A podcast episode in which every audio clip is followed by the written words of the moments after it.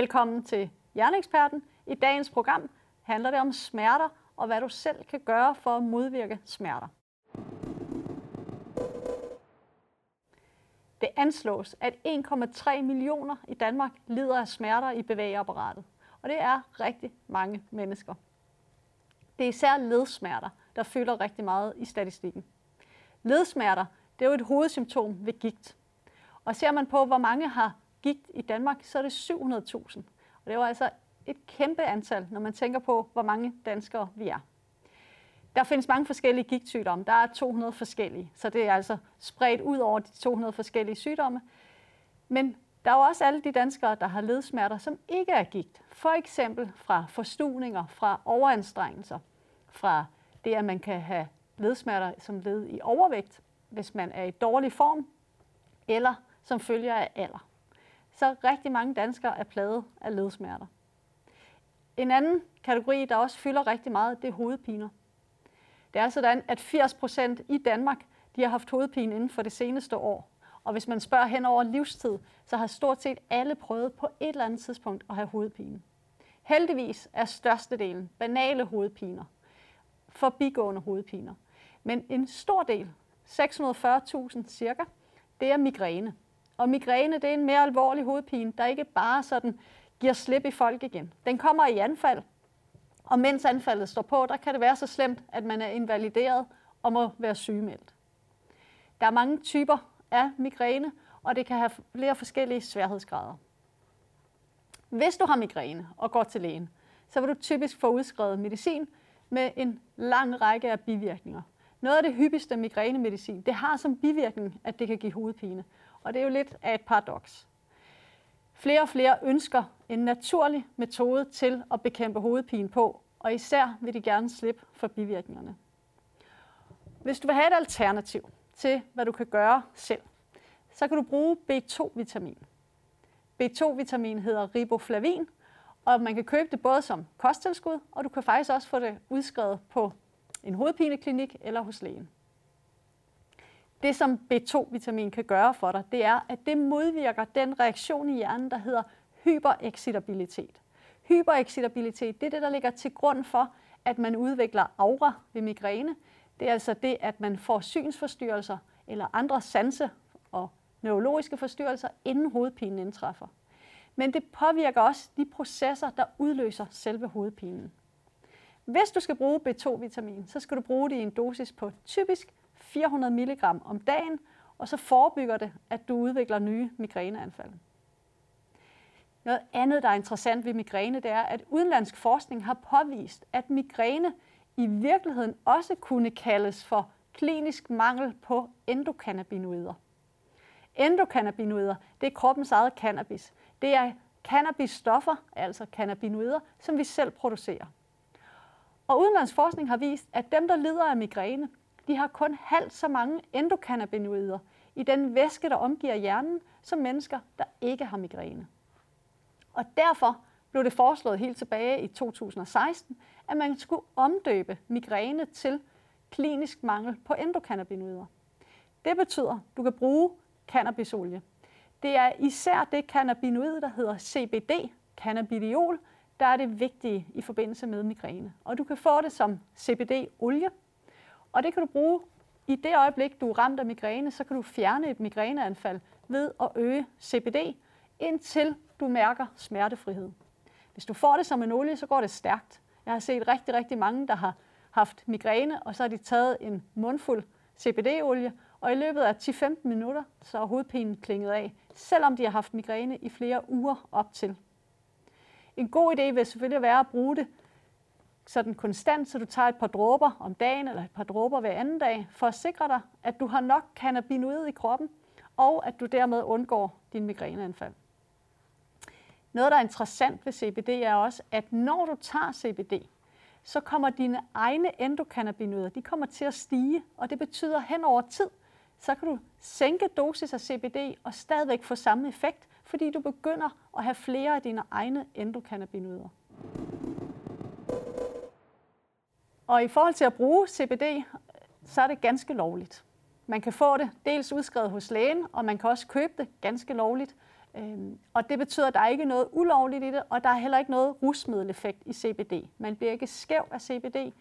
Det cannabinoid, man bliver skæv af, det er det, der hedder THC, og det er typisk fjernet fra den medicinske CBD. Så du kan trygt bruge det, uden at være bange for, om der går et eller andet galt. Nu vil vi gå over til at se på ledsmerter, for de fylder endnu mere end hovedpinerne. Det er således, at når du har ledsmerter, så bliver du typisk til, tilbudt medicin hos lægen. Det kan være ibuprofen, Voltaren, diclofenac, meloxicam, eller de endnu stærkere, alle dem, der ligger ind under gruppen morfika, opioider. Der er mange typer af morfin, men det store problem ved morfin er naturligvis, at det er vanedannende, det er afhængighedsskabende, og hen over tid, så er effekten ikke den samme, som den er lige i starten, når du får det. Hvis du vil have et alternativ, så er der grundlæggende tre fødevarer og tre kosttilskud, du kan bruge af. Lad os starte med at se på de tre fødevarer. Ingefær. Ingefær i form af den friske rod indeholder gingeroler. Og det er vigtigt, det er den friske rod, for i samme øjeblik, man varmer den op, og den ikke længere er frisk og rå, eller hvis det er tørret stødt ingefær, ja, så er der ikke så højt et indhold af gingeroler i. Så er der i stedet for det, der hedder sugaroler i. Så du skal bruge den friske, rå, uopvarmede ingefær. Den er især aktiv i de små led, det vil sige, hvis det er fingerledene, der gør ondt. Så vil du mærke relativt hurtig effekt, hvis du får 5-10 gram frisk ingefær om dagen. Der er lavet mange forsøg, hvor man har sammenlignet brugen af ingefær med ibuprofen, som er et klassisk brugt sådan gigtmiddel, og også i forhold til brugen af binyrbarkhormoner, som også bruges ved svære gigtsygdomme. Og det viser sig, at ingefær, det nøjes ikke bare med at fjerne selve ledsmerterne, det har noget, en virkning, der minder lidt om biologiske lægemidler, for det modvirker den inflammation, der er ude i de små led. Det gode ved ingefær er jo, at det er bare en fødevare.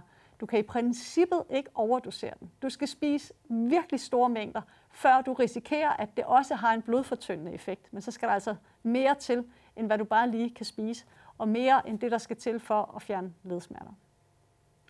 En anden fødevare, der er en superstjerne, hvis det kommer til ledsmerter, det er gurkemeje. Gurkemeje, det er et, dels en frisk rod, men det er også et tørret stødt krydderi, og du kan bruge begge dele. Mængden, du skal have fat i, hvis det er det tørrede krydderi, det er 3-5 gram mindst. Hvis det er den friske rod, du vælger at bruge, så skal du bruge det dobbelt, for der er vand i, så den vejer mere. Gurkemeje indeholder stoffet kurkumin, og det er det stof, der er antiinflammatorisk og smertestillende. Men det er svært at optage kurkumin i tarmsystemet, med mindre der er piperin til stede. Piperin, det findes i sort peber. Så du skal ikke spise gurkemeje uden sort peber. Forsøg fra udlandet har vist, at hvis man er blevet for eksempel knæopereret, og man har smerter efter operationen, så har man i forsøget givet halvdelen traditionel smertebehandling, og den anden halvdel de har altså fået gurkemeje med peber, således de fik nok kokomin. Forsøget viser, at dem, der får standardbehandlingen, de ender med at kunne yde 90% af det, de kunne, inden de blev opereret, inden det gik galt. Dem, der får gurkemeje med peberbehandlingen, de ender med at kan yde næsten 400 procent i forhold til, hvad de kunne, inden de fik deres knæskade. Gurkemeje med peber har også mange andre virkninger, der er gavnlige, men i forhold til ledsmerter, så er det fantastisk. Det er bedre end ingefær. Du kan få det som kosttilskud, hvis du ikke vil have hele køkkenet farvet orange, for det er det, der sker, når du bruger gurkemeje. Så kan du købe et kosttilskud, men sørg for, at det er et kosttilskud, der indeholder både gurkemeje og sort peber. Ellers er du nødt til at sidde og spise sort peber ved siden af, for at få glæde af det. Den tredje fødevare, det er hyben. Hyben i form af tørret hybenpulver har påvist at være mere smertestillende i store led, for eksempel hofte og knæled, der er det mere smertestillende end Panodil er. Hyben minder lidt om ingefær i det, at det også har virkninger, der minder om biologiske lægemidler. I hyben er der et stof, der hedder, nogle stoffer, der hedder triterpener, og det er dem, der er antiinflammatoriske. Du skal bruge 1 gram tørret hybenpulver per 10 kg kropsvægt. Det vil sige, hvis du vejer 50 kg, så bruger du 5 gram tørret hybenpulver om dagen. Vejer du 100 kg, så er det 10 gram tørret hybenpulver om dagen. Det er altså tre fødevarer, som du ikke kan gå galt i byen med. Det er svært at komme til at bruge dem forkert. Der skal bare spises nok af dem. Så er der tre kosttilskud. Det allervigtigste, det er B3-vitamin. B3-vitamin sælges i flere forskellige former. Du skal finde den form, der hedder niacinamid, også kaldet nikotinamid på dansk. Det kan købes som kosttilskud. Dosis, det vil variere alt efter, hvor svære dine ledsmerter er. I USA, der bruger de rask væk 3.000 til 4.000 mg om dagen. De fleste kan klare sig med mindre end det, men man kan dosere det op, indtil man har smertefrihed. Det er det mest potente vitamin i forhold til ledsmerter. Du kan også bruge mineralet bor. Det skal være i form af et triple bor kompleks, for at det er optageligt bor. bor. Dosis er 6-9 mg om dagen. Og forsøg viser, at efter 8 uger, der vil 90% af ledsmerter de vil være fjernet alene på grund af mineralet bor.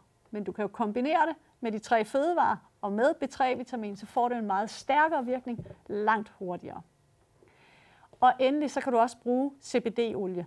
Det er smertestillende, og det er antiinflammatorisk ude i ledene. Så tre kosttilskud og tre fødevarer, der har stor effekt på ledsmerter. Vi vil nu se på de spørgsmål, som I har indsendt til os. Grete Hundebøl i Varde, i Esbjerg, undskyld. Hun skriver, min mand har haft stor glæde af CBD. Det har fjernet hans smerter, og det har bedret hans vejrtrækning. Hvordan virker CBD egentlig i kroppen? Ja, CBD det er jo altså cannabidiol fra cannabis. Det er antiinflammatorisk. Det modvirker slimdannelse, og dermed bedre gør det vejrtrækningen i luftvejene. Og så har det altså den her smertestillende effekt, der gør, at det blandt andet kan hjælpe folk, der gerne vil ud af morfin, trappe ud af morfin, uden at få voldsomme gener af det. Pierre Ronak, han skriver, at han har været igennem en operation, og der har han nogle stærke smerter i benene. Især nede i det venstre ben volder det ham besvær. Smerterne kommer og går, og i venstre fod brænder det, og det føles som om foden holdes over åben ild. Lægerne siger, at de ikke forstår det, og jeg ikke skulle have smerter i benene efter operationen. Hvad kan jeg selv gøre? Ja, Pierre, hvis jeg var dig, så vil jeg bruge CBD-olie.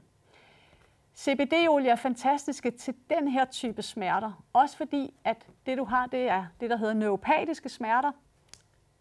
Når vi får hele forklaringen i mailen, så kan jeg så fortælle jer, at det er neuropatiske smerter. Og der er CBD-olie rigtig, rigtig godt. Du kan ikke overdosere CBD, og du vil opleve at få rigtig, rigtig stor glæde af det. Pierre han skriver også, at det er meget angstprovokerende at have været igennem det, det forløb, han har været, og spørger til, hvad han kan gøre for at bedre sin krop. Ja, i udgangspunktet, så vil jeg sørge for at få den rigtige kost, de rigtige vitaminer, og som sagt, det er ikke de dyre i helsekostforretningerne, der er de bedste. Få et ordentligt B-kompleks, få det rigtige zink, få fiskolie og sørg for at spise en sund kost. Og så er der en i Kalumborg, der spørger, når man har ondt i hovedet, er det så hjernen, der gør ondt? Nej, det er faktisk ikke hjernen selv, der gør ondt. Der er ikke smertesans fra selve hjernen. Så det er typisk andre strukturer omkring hjernen, som udløser smerten. Også fra Kalundborg bliver der spurgt, om al smertemedicin er det vanedannende og farligt. Ja, det kommer jo an på, hvad man mener med smertemedicin. Hvis det er morfin, så er det farligt, fordi man kan overdosere det. Det er let at komme til at lægge dosis så høj, at man risikerer, at man holder op med at trække vejret. Og så er det jo altså temmelig farligt. Det er også farligt på grund af dets afhængighedsskabende effekt, som gør, at det er svært at slippe ud af, den dag man opdager, at det alligevel ikke virker særlig godt for en. Og det gør, at alle, der er ramt af smerter, bliver nødt til at forholde sig til, hvad kan man selv gøre, og især, hvordan kan man aflaste sig, så man ikke bliver mere smertepladet end højst nødvendigt. Noget, der også er vigtigt, det er at røre sig. Det er vigtigt for ledsmerter, selvom det kan være besynderligt at skulle ud og røre sig, når ledene gør ondt. Men nu kan du bruge den viden, du har fået i det her program, og så kan du gå i gang med at bekæmpe dine smerter på en naturlig façon. Det var programmet om smerter, og du så med i Hjerneeksperten. Tak for nu.